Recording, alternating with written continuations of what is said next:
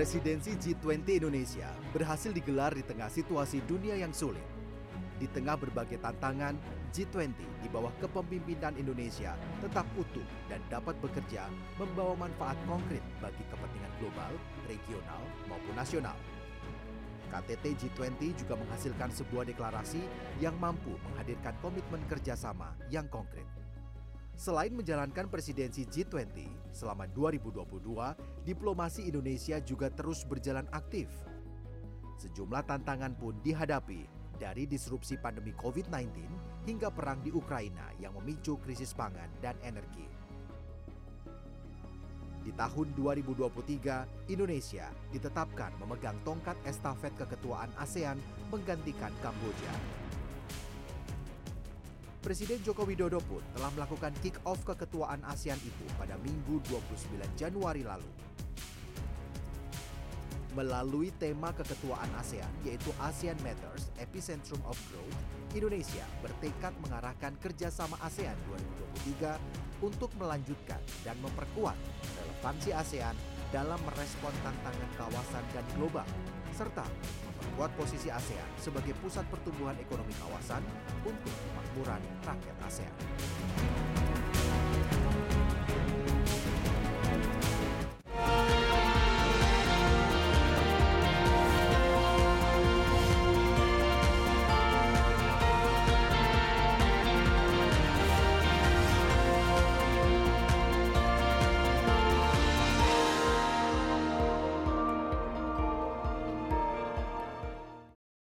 Ya, mengawali tahun baru tentu momen yang tepat untuk menengok kembali apa yang kita pelajari pada tahun 2022 dan juga apa kira-kira tantangan maupun peluang yang kita bisa hadapi pada tahun 2023 ini. Demikian pula dengan kebijakan luar negeri Indonesia, khususnya keberhasilan apa saja yang sudah kita capai di bidang diplomasi pada tahun 2022 dan juga kira-kira apa saja tantangan dari segi kebijakan luar negeri maupun diplomasi Republik Indonesia di panggung dunia untuk tahun 2023. Nah, untuk lebih mengetahuinya, Insight with Desi Anwar kali ini sudah ditemani oleh Menteri Luar Negeri Republik Indonesia kita, Retno Marsudi. Retno, apa kabar? Apa kabar? Mudah-mudahan sehat selalu. Iya, mudah-mudahan sehat dan kita juga berharap tahun 2023 ini, ini tahun pertama sejak tahun 2020 kita tidak ada kata-kata pandemi yang terlalu berlebihan lah istilahnya karena kita juga di Jakarta khususnya PPKM sudah tidak ada lagi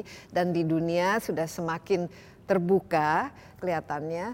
Tapi Bu Retno kita melihat ya tahun 2022 khususnya bagi Indonesia cukup banyak keberhasilannya tapi bisa kilas balik lagi. Kira-kira highlightsnya khususnya di um, keberhasilan diplomasi di bawah Menteri Luar Negeri. Apa-apa saja yang bisa kita catat dan juga bisa menjadi pelajaran yang kita bawa untuk tahun 2023? Jadi mungkin kalau kita bicara highlight besar 2022 tentunya masalah G20. G20 ya. merupakan sebuah highlight uh, kalau boleh saya katakan keberhasilan uh, diplomasi kita di tahun 2022 karena memang presidensi Indonesia di G20 itu kan berangkat dari sebuah pesimisme yang sangat uh, besar. Jadi pada saat Desember, 1 Desember 2021 kan kita mulai 2021, 1 Desember, pada saat itu dunia masih dalam situasi pandemi. Sehingga waktu itu pertanyaannya adalah secepat apa kita bisa keluar dari pandemi, secepat apa kita bisa pulih secara ekonominya. Itu sebuah tantangan yang sangat besar. Nah, tantangan itu belum bisa kita selesaikan tiba-tiba Februari cerita dunia menjadi iya. berbeda lagi dengan adanya perang yang ada di Ukraina sehingga mulai Februari 2022 itu pesimisme itu Mbak Desi semakin lama semakin naik hmm. semakin naik semakin naik dan bahkan uh, banyak pihak yang mengatakan bahwa oke okay, G20 tidak akan dapat satu sebagai G20 G20 tidak akan dapat bekerja karena Rusia ada di, uh, di, di G20 dan G20 tidak akan dapat deliver karena memang banyak sekali pertemuan-pertemuan multilateral yang pada akhirnya tidak dapat menghasilkan apa-apa karena adanya perbedaan yang sangat dalam dan lebar antara para pihak, terutama ya pihak-pihak uh, Rusia di satu blok dan yang lain adalah uh, blok Barat. Nah, dari pesimisme yang sangat tinggi seperti ini, kita harus bekerja. Bisa dibayangkan betapa sulitnya pada saat itu. Tetapi kita, uh, saya kalau kelas balik memang betul-betul energy and time consuming. Tetapi kan kita tidak tidak boleh mundur. Kita tidak punya opsi untuk mundur. Satu-satunya opsi waktu itu adalah maju. Nah, sudahlah kita akhirnya mengeluarkan segala ilmu kita, ilmu diplomasi kita kita keluarkan semua dan semua investasi diplomasi, investasi politik luar negeri saatnya kita ambil. Jadi kalau selama ini kita banyak sekali menabung kan investment uh, politik hmm. luar negeri, investment diplomasi kita, saatnya kita ambil tabungan tersebut. Untungnya kita berhubungan baik dengan semua pihak yang ada di G20. Nah, yang perlu dimunculkan pada saat itu adalah adanya trust kepada leadership Indonesia bahwa leadership Indonesia itu akan membawa mereka ke arah baik untuk semua. Nah, ini yang yang yang yang sulit. Singkat cerita, G20 sampai KTT November tahun lalu dalam kondisi uh, utuh, perkara di dalamnya ada dinamisme perbedaan pendapat itu pasti di mana pun juga terjadi.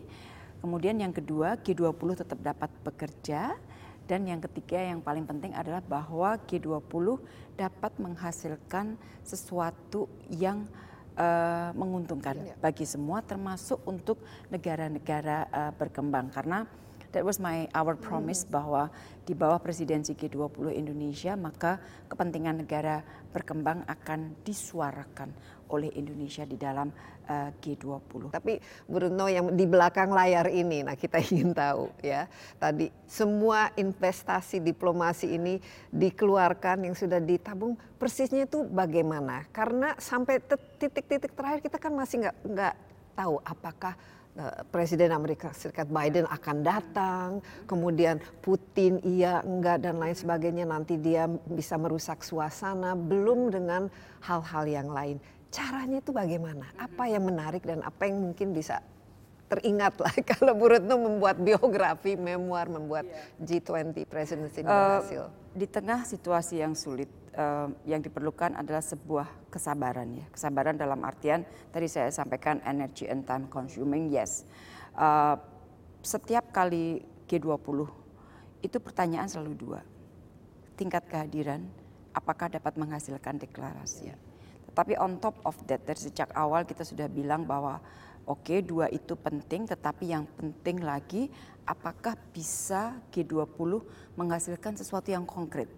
Karena kan uh, masyarakat umum selalu mengatakan G20 itu apa, nggak ada ininya, terlalu jauh, terlalu jauh dari kami dan sebagainya. Nah ini yang jembatan ini yang kita berusaha untuk bangun juga selama presidensi Indonesia. Jadi saya ingin mulai dari tingkat kehadiran dan deklarasi dan apa yang uh, saya lakukan.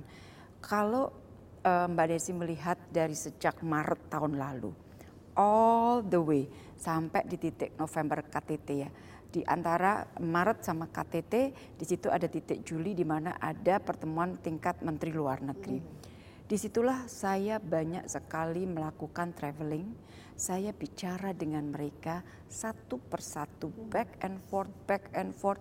Saya dengarkan. Jadi begini, banyak sekali pada saat kita memimpin, kita bicara, tapi kita lupa mendengarkan. This time saya balik, saya ingin mendengarkan saya dengarkan semua komplain, semua posisi yang saling bertabrakan, saya dengarkan.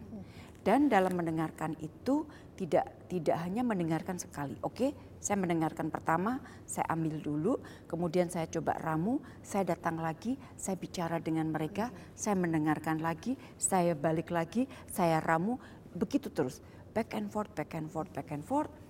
Uh, sampai di satu titik mereka uh, melihat bahwa oh ya, kepemimpinan Indonesia berbeda. Ini nggak mudah juga karena this time the South yang selatan yang yeah. memimpin yeah. dan kita memang betul-betul ingin menunjukkan bahwa kami di selatan pun kami dari selatan pun kami mampu mm. dan kekuatan untuk mendengarkan, meramu, mendengarkan lagi, meramu itu tidak dimiliki oleh semua uh, negara. Jadi pada akhirnya dari sisi tingkat kehadiran uh, kita bisa uh, mendapatkan komitmen bahkan lebih dari G20 di normal situation. Singkat cerita lagi, uh, pada saat itu uh, Menlu uh, Rusia Sergei Lavrov juga ada di Phnom Penh. Jadi banyak sekali hal yang saya harus negosiasikan langsung dengan Lavrov dan itu membantu. Keberadaan saya bersama dia di Phnom Penh itu sangat membantu untuk mempercepat negosiasi yang ada di lapangan di Bali. Pada akhirnya, akhirnya singkat cerita, jadi negosiasi ini Mbak Desi beberapa kali udah hampir deadlock jadi uh, duta besar Trian yang menjadi chief negotiator beberapa kali karena kita berteman lama ya, jadi kita panggil nama first name, dia selalu bilang, Red, gua udah mentok, lo maju. Jadi oke, okay, giliran saya maju, saya maju. Saya telepon sana sini ngomong begini, begitu udah dapat komitmen dari menterinya, saya bawa balik lagi, saya bilang sama Trian, Trian udah, udah gue dapat sekarang lo jual di negosiasi.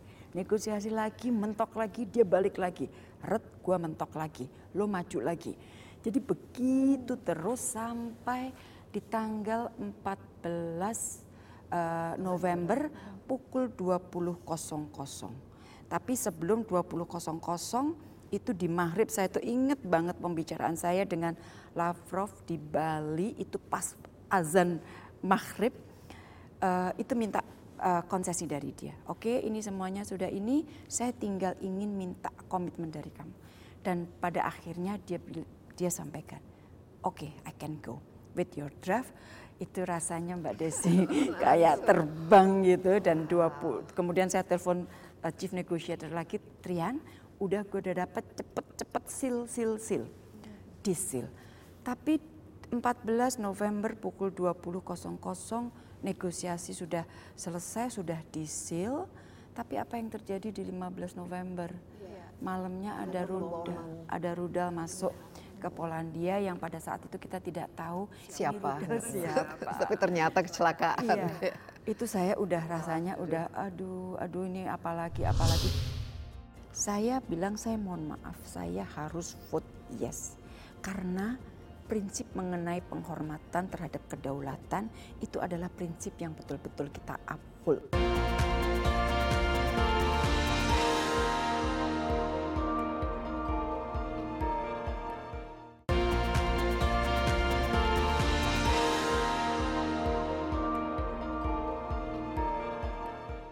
Titik dari uh, keberhasilan G20 ini, ini Indonesia saya lihat itu tampil beda ya di panggung dunia. Oh, iya. Bagaimana Bu Retno merasa ada perubahan nggak cara dunia memandang Indonesia? Oh, Karena iya. kita kita lihat ini saya juga cukup kaget kan selama ini kan kita uh, di bawah ke presidensi uh, di bawah Presiden Jokowi.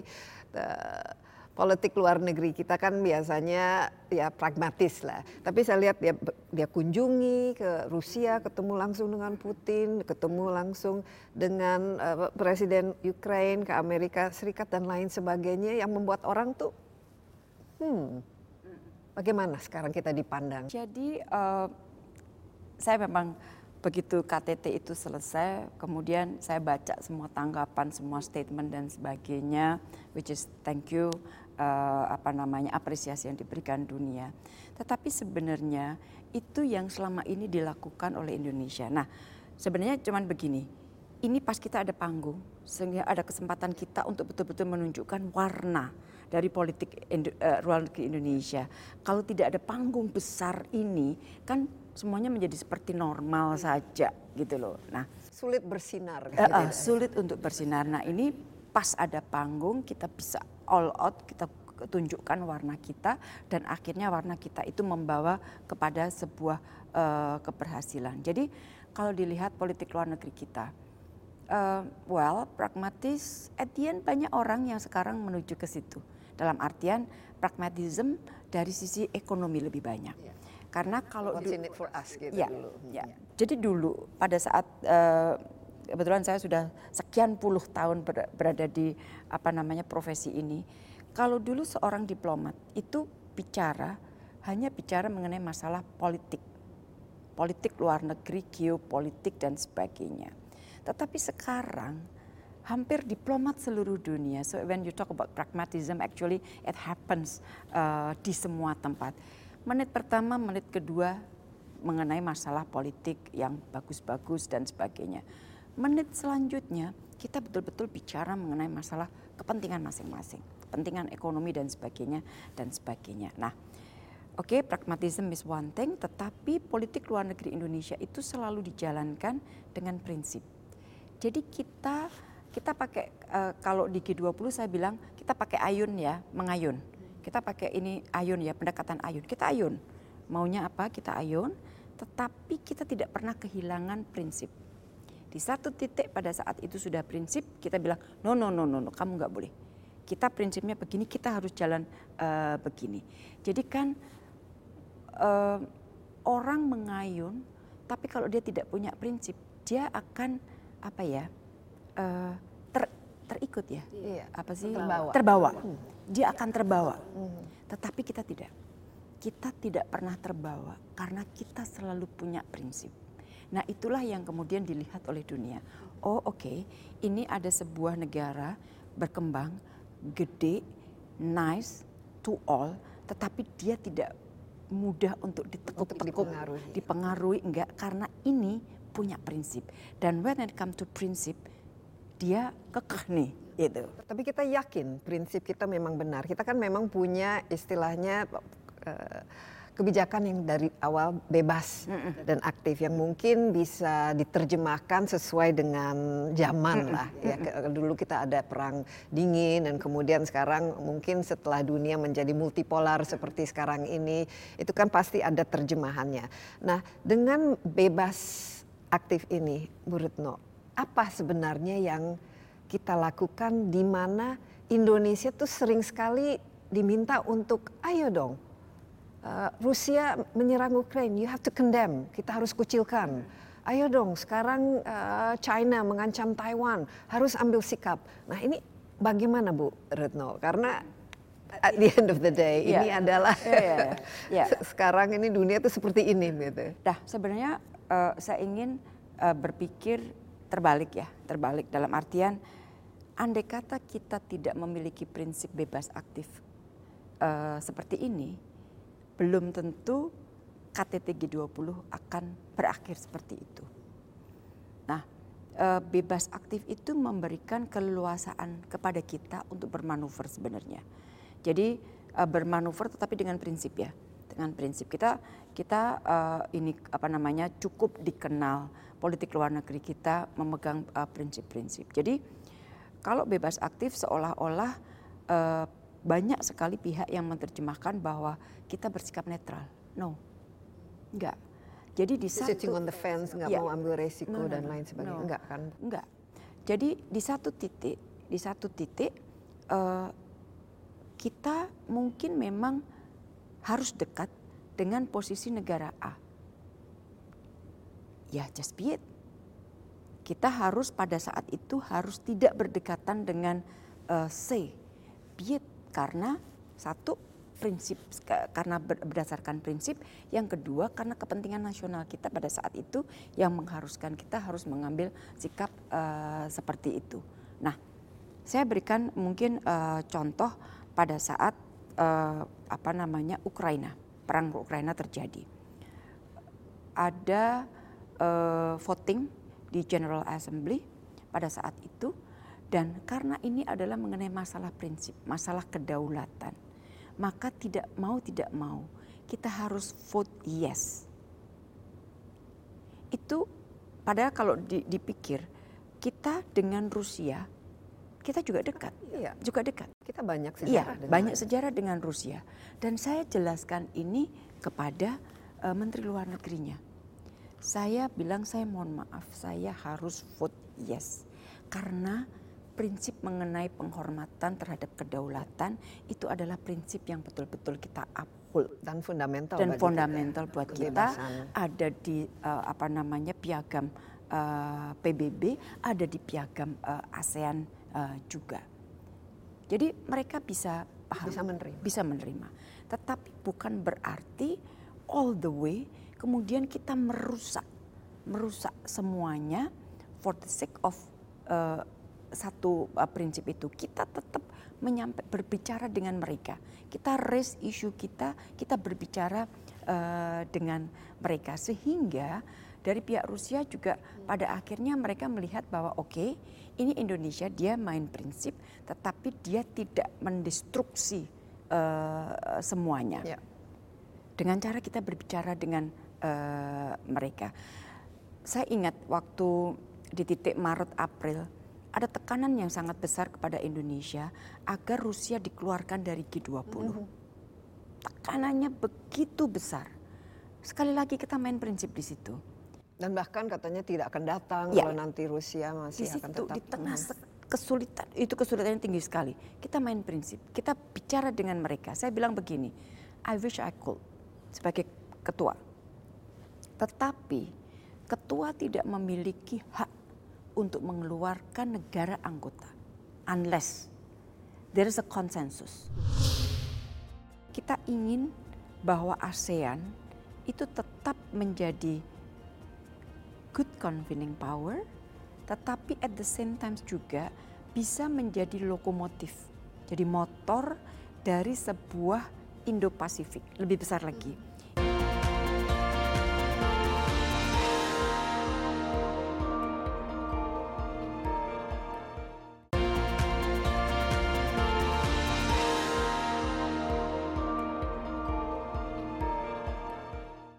saya lihat ini uh, khusus untuk eh, tahun-tahun uh, sekarang ini, ya kekuatan masih dipegang oleh Amerika Serikat tentunya, tapi China itu uh, menjadi istilahnya kalau dulu dengan Soviet Union perang dingin, tapi sekarang China jadi istilahnya the, the devil ya. Nah, saya lihat Amerika Serikat kan selalu is either you're with us or you're against us. Dan China juga kan punya cara-caranya sendiri yang istilahnya bermain kekuatan, bermain power. Indonesia ini bagaimana, Bu Retno? Karena this is gonna get worse, yeah. ya. Uh, walaupun ya istilahnya this is the new Cold War lah, perang dingin antara Amerika Serikat dan China. Kita bagaimana di Indonesia ini sebagai kalau kita ingin memainkan peran seperti kita memainkan di G20 presidency. Jadi uh, banyak sekali memang pertanyaan tidak hanya kepada Indonesia, tetapi juga itu juga paling tidak per, uh, apa ya rasa ya. Kalau toh tidak pertanyaan, tapi pertanyaan itu kita terima. Uh, kamu mau milih mana? Mau milih Amerika atau mau milih Cina? Kita selalu bilang kita nggak milih dua-duanya. Kita tidak milih dua-duanya karena apa? Uh, baik Cina maupun Amerika itu adalah partner yang sangat penting buat Indonesia.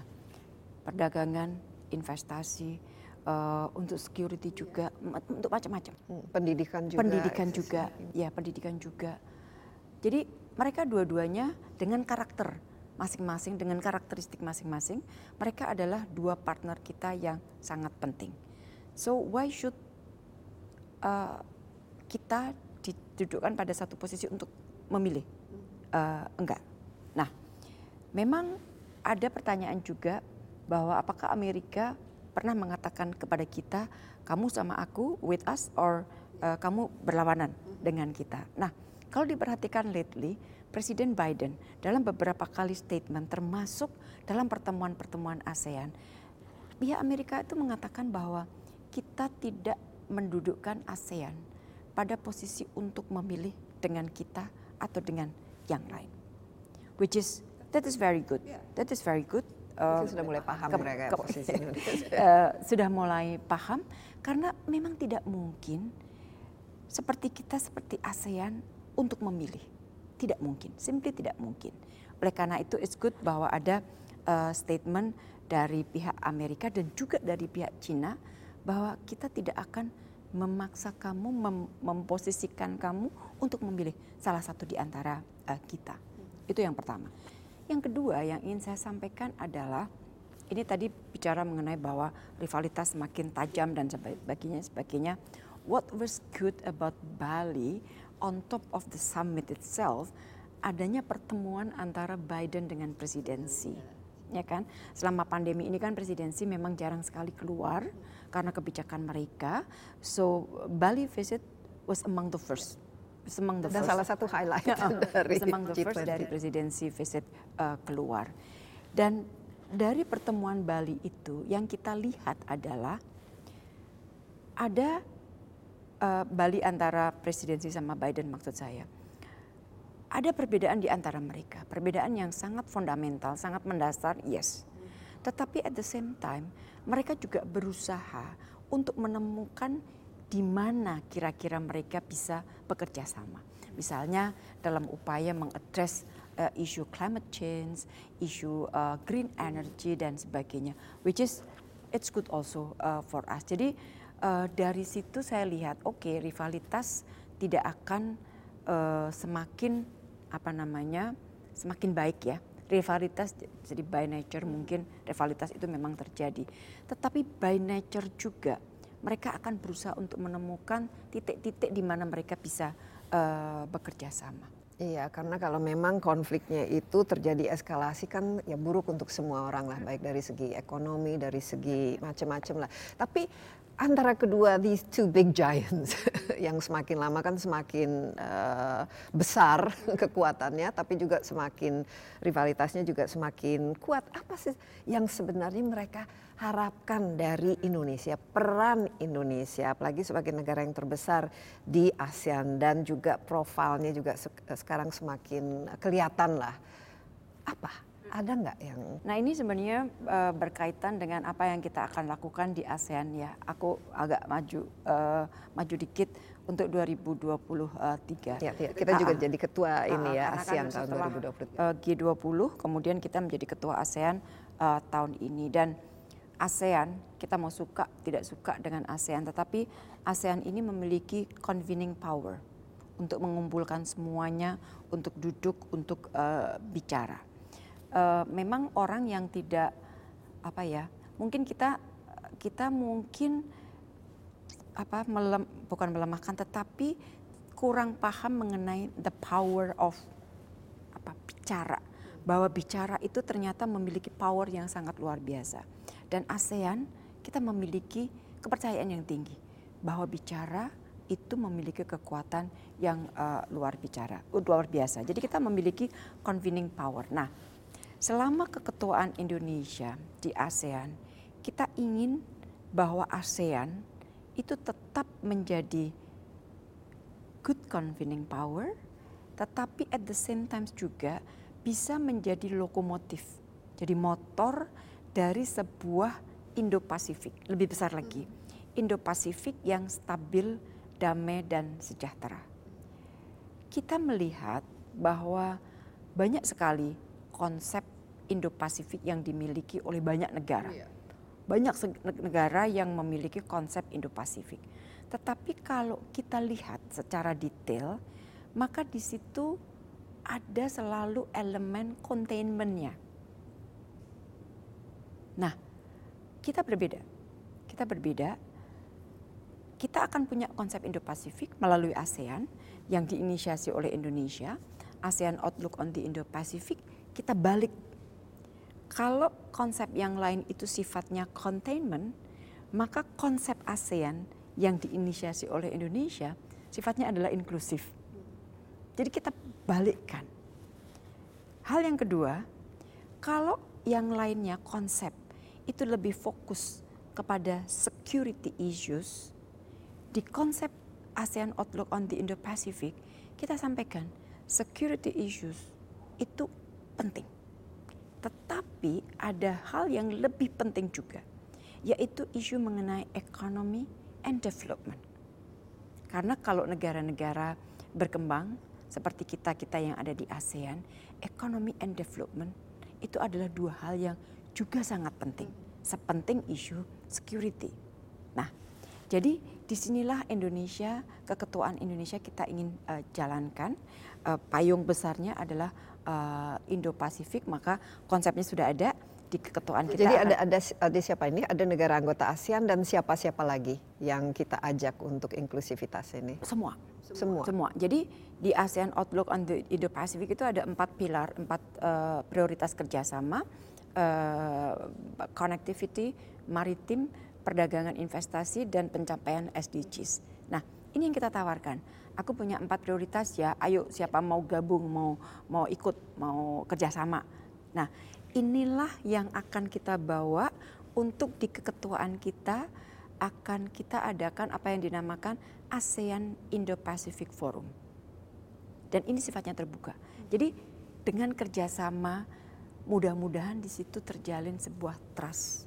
Trust buildingnya tetap uh, jalan terus. Jadi cara berpikir kita memang berbeda. Jadi spiritnya untuk tahun 2023 ini kita sebagai ketua ASEAN persisnya apa hasilnya yang kita ingin dapatkan. Mm -mm. Nah, tadi kan kalau aku bilang payungnya itu adalah menciptakan sebuah Indo-Pasifik yang damai, uh, makmur dan juga stabil. Kita lihat temanya. Temanya itu ASEAN Matters, Epicentrum of Growth. Epicentrum, jadi pusat pertumbuhan uh, ada di ini, ASEAN. Ini beda banget kalau kalau dilihat. Well, Bapak Presiden, Presiden Jokowi itu kan uh, apa namanya tipe pemimpin yang uh, nggak mau biasa-biasa aja ya kan harus berbeda gitu yeah. makanya kalau dilihat apalagi ini kan tahun terakhir lah dari harus kalau dilihat dari logonya pun logonya itu juga berbeda dan temanya itu juga tema yang berbeda ASEAN Matters Epicentrum of Growth ASEAN Matters itu tadi yang saya jelaskan bahwa kita harus tetap penting, kita harus tetap relevan, kita harus dapat menjadi motor untuk stabilitas dan uh, perdamaian kawasan dan Indo-Pasifik. Itu intinya ASEAN Matters. Sementara epicentrum of growth, kan Mbak Desi kalau kita lihat sejarah ASEAN, it always relates dengan masalah ekonomi kan. Dari awal sampai sampai Karena sekarang. kita masih ya, developing ya. world. Dan dari data pertumbuhan ASEAN itu selalu di atas rata-rata pertumbuhan dunia. So we want we want to keep it uh, to, to keep Southeast Asia sebagai epicentrum of growth. Tentunya di sinilah kemudian akan ada penguatan-penguatan dan sesuai dengan situasi saat ini maka penguatannya itu di aspek kesehatan, aspek energi, and then aspek food and keuangan. Jadi intinya adalah seperti itu. Oke, dan ini semua sepakat ini negara, uh, anggota Udah. ASEAN dengan tema ini ya. sama ini antusias. Antusiasmenya karena memang ini momentum yang bagus ya. karena sekarang di Eropa kita lihat ada resesi ekonomi, inflasi tinggi, kesulitan pangan dan lain sebagainya. Jadi bagus juga kalau iya. di kawasan ini kita jadi pusat pertumbuhan. Tapi ada all ini merupakan prioritas bagi negara-negara ASEAN? Uh, ya, tentunya kita menentukan prioritas ini kan sudah berdasarkan sensing apa proses kita terhadap apa yang sedang terjadi di ASEAN dan apa yang sedang terjadi uh, di dunia.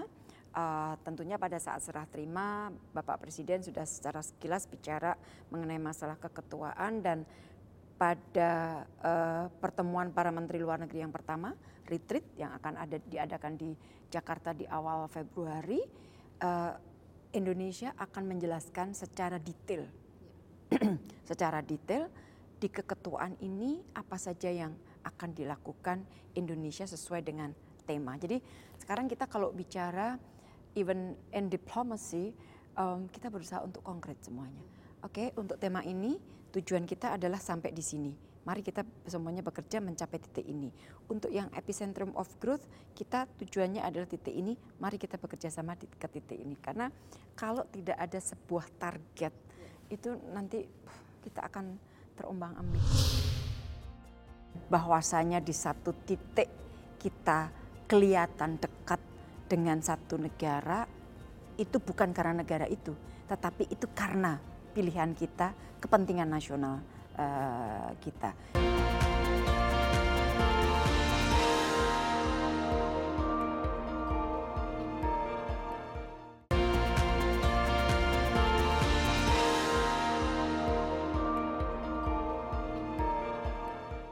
Dan saya lihat ini kembali ke pertanyaan yang saya tadi hmm. ya, karena dunia ini memang ada rivalitas ini sangat mengganggu hmm. ya China. Hmm apalagi dengan masalah South China Sea misalnya. Kita lihat anggota ASEAN kan banyak yang mau tidak mau mereka di bawah pengaruh China ataupun terdampak dari kebijakan China mengenai uh, South China Sea ini yang sampai sekarang tuh seperti inilah uh, mengganggu gitu. Dan kedua ancaman lagi dengan adanya Taiwan.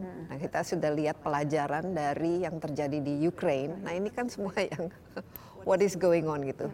Menurut No, bagaimana? Apakah kita sudah siap untuk menavigasi dan kira-kira strategi yang Indonesia perlukan? Tidak mudah, menavigasinya tidak mudah. Tetapi saya kira dengan dengan uh, kapasitas kita, dengan prinsip-prinsip yang selalu kita uh, tegakkan, dengan engagement kita selama ini dengan banyak negara, saya kira kita akan dapat menavigasikan, Bisa. menavigasi. Oh, walaupun optimis, ya? walaupun nggak gampang ya, sangat tidak mudah, sangat tidak mudah. Misalnya mengenai South China Sea, Laut Cina Selatan, uh, banyak sekali statement dan ini adalah statement yang selalu kita keluarkan mengenai UNCLOS, UNCLOS 1982, UNCLOS 1982. Karena memang UNCLOS 1982 adalah sebuah dasar hukum internasional yang mengatur urusan yang terkait dengan laut dan ini kan juga Indonesia yang ikut melahirkan konvensi uh, itu. Pada saat semua negara mengatakan bahwa ya kita uphold, kita respect implementasi UNCLOS 1982, that is a good statement of course. Tetapi tantangannya adalah pada saat statement itu dibawa ke ground. Pada saat misalnya muncul masalah. Apakah kita apakah negara-negara akan mampu untuk tetap mengimplementasikan itu berhadapan dengan kekuatan-kekuatan besar. Buat Indonesia, insya Allah kita mampu. Kita mampu. Jadi, tapi ancaman itu kan real. Oh ya, ancaman itu ancaman itu sangat uh, real. Tetapi kita mau apa? This is international law jadi misalnya begini, saya kasih contoh negosiasi. Kan banyak sekali kita overlapping dengan negara-negara ASEAN di Uh, di situ ada Vietnam, uh, ada Vietnam, ada uh, kita punya Malaysia juga, Malaysia, uh, uh, ada beberapa. Antara mereka ada juga antara misalnya Malaysia dengan yang lain ada juga. Kemudian antara beberapa negara yang memang memiliki over, overlapping claim dengan Tiongkok, mereka juga punya sendiri. Jadi itu adalah urusan mereka dengan Tiongkok. Tapi kan kita tidak memiliki overlapping claim dengan Tiongkok. Nah, yang baru-baru ini kita selesaikan adalah dengan Vietnam dengan Vietnam itu kita sudah negosiasi 12 tahun untuk menyelesaikan ZEE, e, zona ekonomi eksklusif. Itu sulit sekali. Dan kita konsisten pada saat misalnya ada Vietnam yang agak nggak sesuai dengan UNCLOS, kita coba tarik lagi. Nggak bisa UNCLOS mengatakan begini, begini, begini, kita harus konsisten. Pada akhirnya kedua belah pihak konsisten untuk menerapkan UNCLOS dan akhirnya tercapai uh, titik temu garis yang dapat disepakati dan baru disepakati tahun uh, lalu itu membuktikan bahwa dengan UNCLOS sebuah overlapping itu bisa diselesaikan dengan cara negosiasi. Tapi dasarnya harus jelas UNCLOS.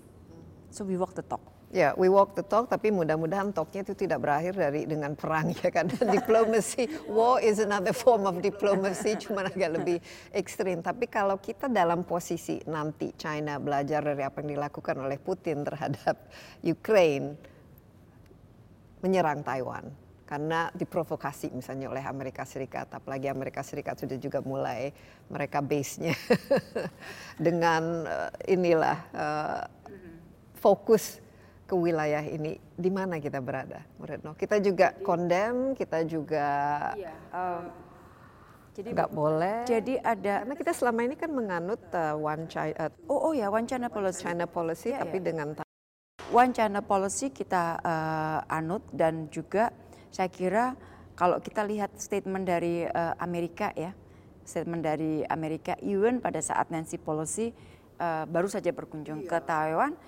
statement dari statement dari dari eksekutif dari pemerintah Amerika Serikat mereka mengatakan bahwa tidak ada perubahan policy on one China policy. Ya, tapi itu omongan, ya, tapi kan? tindakan sesuatu yang agak berbeda. Ya, mereka punya punya alasan sendiri ya bahwa ini pemerintah ini dan sebagainya. Saya, tapi saya yang tidak, jelas China terprovokasi loh. Jadi yang ingin saya sampaikan itu begini, prinsip harus ditegakkan dan dengan menghormati prinsip ini, saya kira kita cukup cukup apa ya, uh, cukup mature, cukup bisa untuk menghitung agar tidak dilakukan hal-hal yang sifatnya provokatif. You know what I mean? Karena hmm, kalau ada tindakan provokasi, saya khawatir, saya selalu khawatir dan ini sebenarnya sebenarnya apa yang terjadi di dunia itu selalu diawali oleh tindakan-tindakan yang saling memprovokasi. Dan kita lihat China misalnya sudah mulai menunjukkan Pada kekuatannya. Pada saat semua sudah akhirnya terpancing dengan aksi reaksi uh, tindakan yang bersifat provokatif, saya khawatir mereka sudah tidak punya space apalagi vis-a-vis their domestic. Ini kan that will be uh, that is all about domestik sebelum internasional, ya kan? Saya khawatir kalau provokasi sudah terus antara aksi reaksi aksi reaksi, mereka tidak punya space untuk kemudian mundur dan akhirnya hanya ada satu jalan maju perang. Sekarang pertanyaannya, bener nih, lo mau perang dalam kondisi dunia yang seperti saat ini? Jadi pertanyaannya saya balikin lagi kepada mereka. Apalagi ini antara negara-negara yang punya senjata nuklir. Yes. Yes. Tapi Rusia kan juga punya senjata nuklir. Sampai sekarang Rusia masih ya tadi betul sekali Bu Retno. Memulai perang lebih gampang. Oh, iya tapi kalau pas sudah memundur atau menyelesaikannya itu bisa dianggap kan, oh ini pasti hanya palingan satu dua minggu, satu dua bulan. Sekarang sudah satu tahun perang di uh, Ukraina masih berlanjut. Saya itu selalu mencoba untuk apa sih namanya uh, berpikir Allah hubungan negara itu Allah hubungan antara individu. Tadi kan Mbak Desi bilang untuk memulai perang sangat mudah tetapi untuk mengakhiri perang, sulitnya setengah mati. Nah sama, kalau kita berhubungan uh, personal ya, individu ya, untuk mencari satu musuh mudah. Ada orang lewat, kita ketok gitu aja, udah dia otomatis akan menjadi musuh kita. Tetapi untuk memelihara sebuah pertemanan itu perlu effort. Apalagi untuk minta maaf itu paling yes. susah. Jadi nggak ada yang jadi, mau lose face ya. Iya, jadi sekali lagi pada saat kita sudah berhadap di satu titik kita berhadapan dengan publik domestik internasional dan nggak ada space mundur hanya ada maju dan maju itu adalah risikonya besar itu yang paling kita takut. Oke, mungkin makanya prinsip bebas ini harus kita pelihara. Karena kalau kita sudah mulai beraliansi, terus terangkan sekarang negara-negara besar ini selalu mengatakan ayo kita ini yuk. Misalnya Eropa mau tidak mau ikut sama Amerika Serikat. Kita lihat juga UK eh, dan Australia kiblatnya ke sana. Yeah. jadi kalau mengkritik sama-sama ikut mengkritik. Sementara China dan juga sekutu-sekutunya demikian. Indonesia kita nggak mau seperti itu ya. Kita, tapi kita punya pendirian yang mungkin kita, aneh kita dari hanya didekte oleh kepentingan nasional kita dan prinsip yang kita yakini bersama ya tentunya prinsip-prinsip yang ada di UN Charter. Jadi uh, ini menjadikan kita bebas untuk menentukan pilihan kita, uh, posisi kita dan bahwasanya di satu titik kita kelihatan dekat dengan satu negara itu bukan karena negara itu, tetapi itu karena pilihan kita, kepentingan nasional uh, kita. Demikian juga mungkin di titik lain kita terlihat lebih dekat dengan negara yang lain itu bukan karena negara yang lain tetapi karena kepentingan kita. G20 highlight tahun ini adalah ASEAN dan kalau kita uh, bisa berhasil menjalankan keketuaan ini dengan baik, berarti satu kita berkontribusi pada urusan uh, geopolitik yang ada di ASEAN.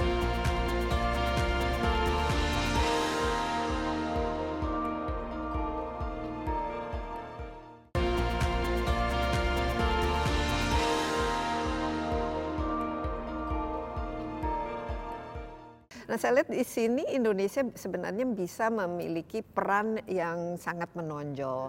Ada beberapa hal yang kita lihat ini dari segi kemanusiaan.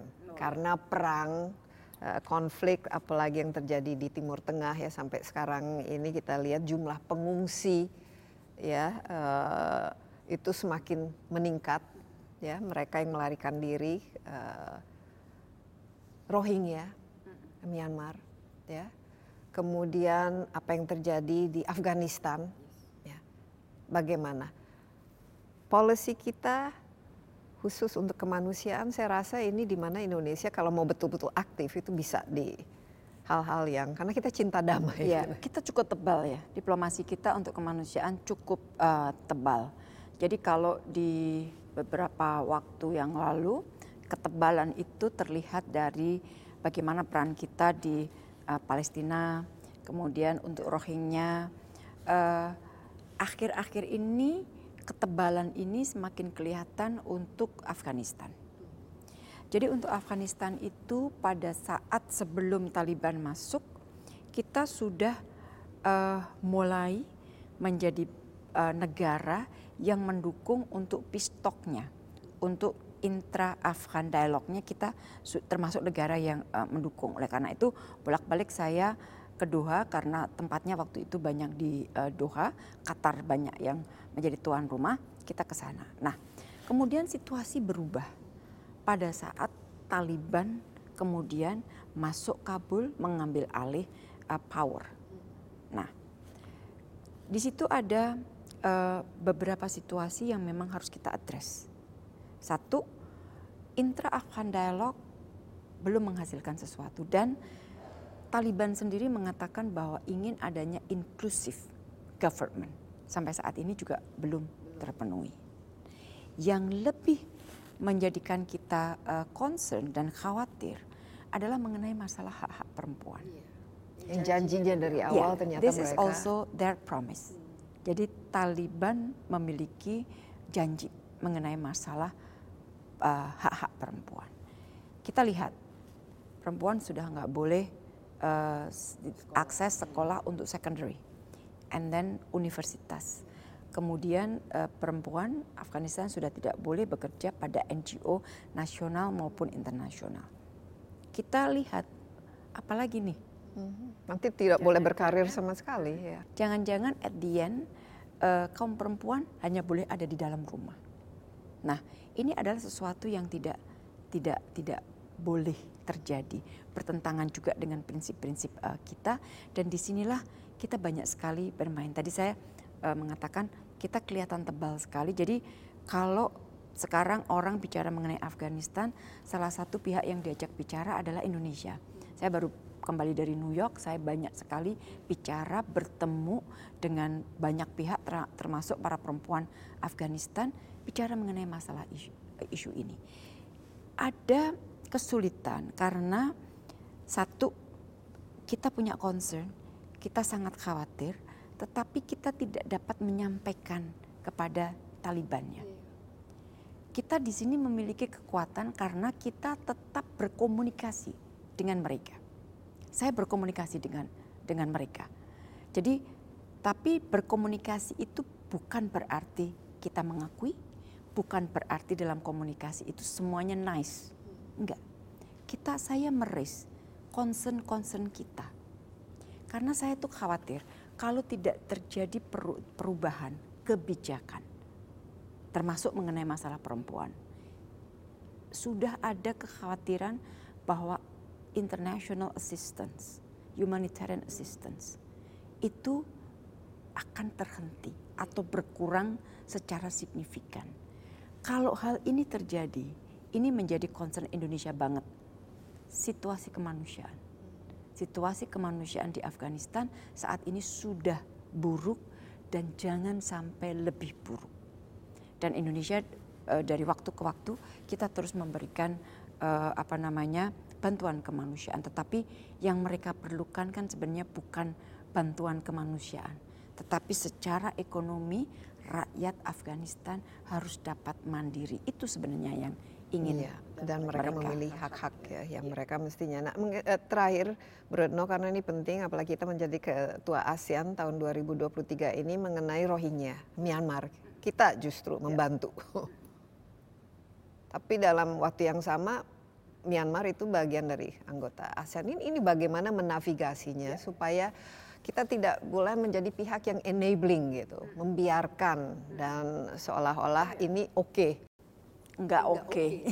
enggak oke okay sama sekali. Ini bagaimana ini? Ya. Sulit Jadi ya? uh, apa yang terjadi, kudeta militer yang terjadi di Myanmar itu sesuatu yang enggak oke okay sekali, enggak bisa kita uh, terima, nggak bisa kita tolerir dan posisi Indonesia sangat jelas, posisi ASEAN juga uh, cukup jelas cukup jelas dalam artian bahwa karena peristiwa itu kita sebenarnya sudah berusaha untuk membantu dengan five point of consensus diberikan waktu tapi tidak ada perkembangannya. Oleh karena itu dengan sangat berat hati jangan dipikir ASEAN mau ngambil keputusan itu dengan ringan hati ya.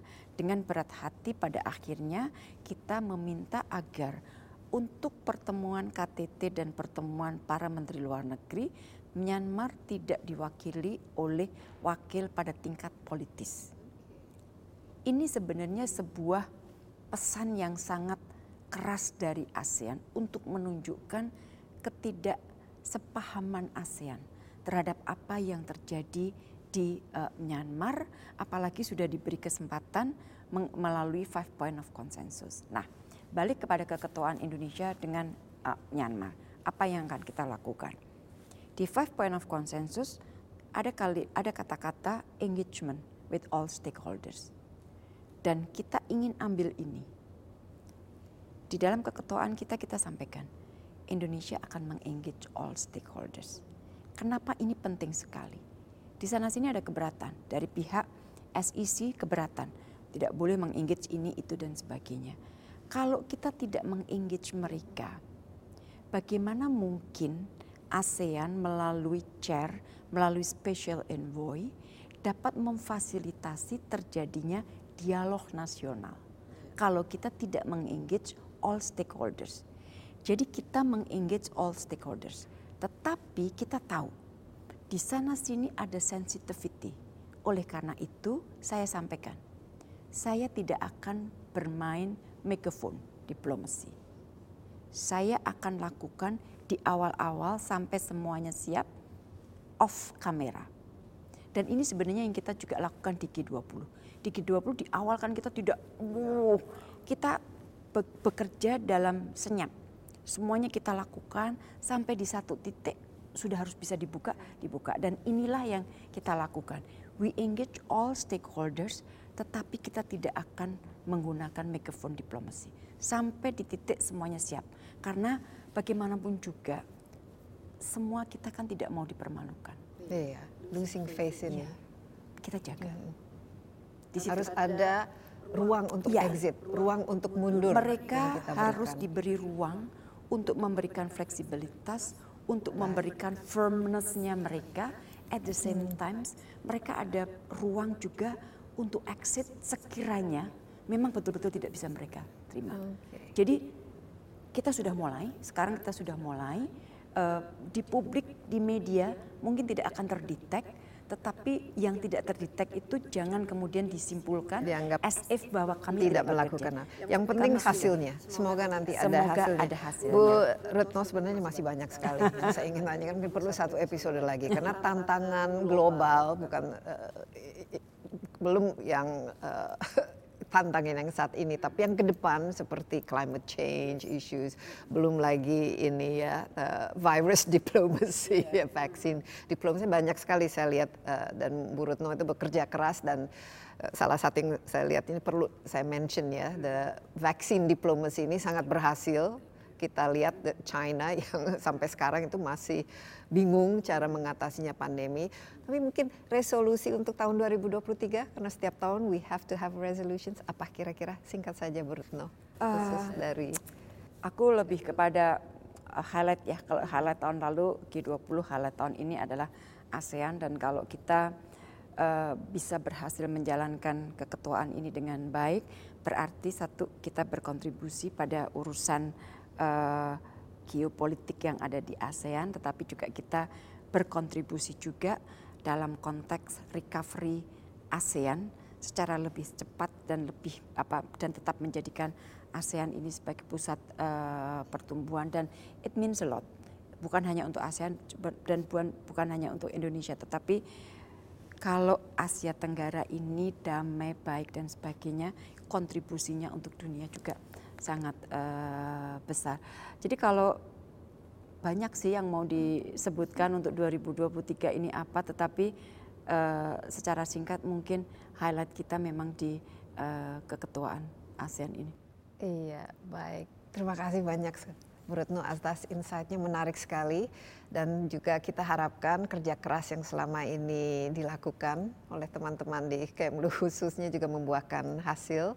Tadi menarik ya, megaphone diplomacy itu bukan sesuatu yang Indonesia ya. Kita lebih suka di balik layar, tapi tiba-tiba wah sudah jadi. sudah jadi dan ternyata hasilnya sesuai harapan. Jadi saya harapkan juga Indonesia sebagai ketua ASEAN seperti kita menjadi presidensi G20 ya, bersinar pada insya Allah, insya Allah. akhirnya dengan hasil yang konkret, deklarasi yang memang bisa diimplementasikan. Sekali lagi terima kasih. Insight with Desi Anwar kali ini dan kita juga bisa menonton acara ini di cnnindonesia.com dan juga di YouTube CNN Indonesia Insight with Desi Anwar. Sekali lagi terima kasih atas perhatiannya. Sampai jumpa. Stay safe. Bye bye.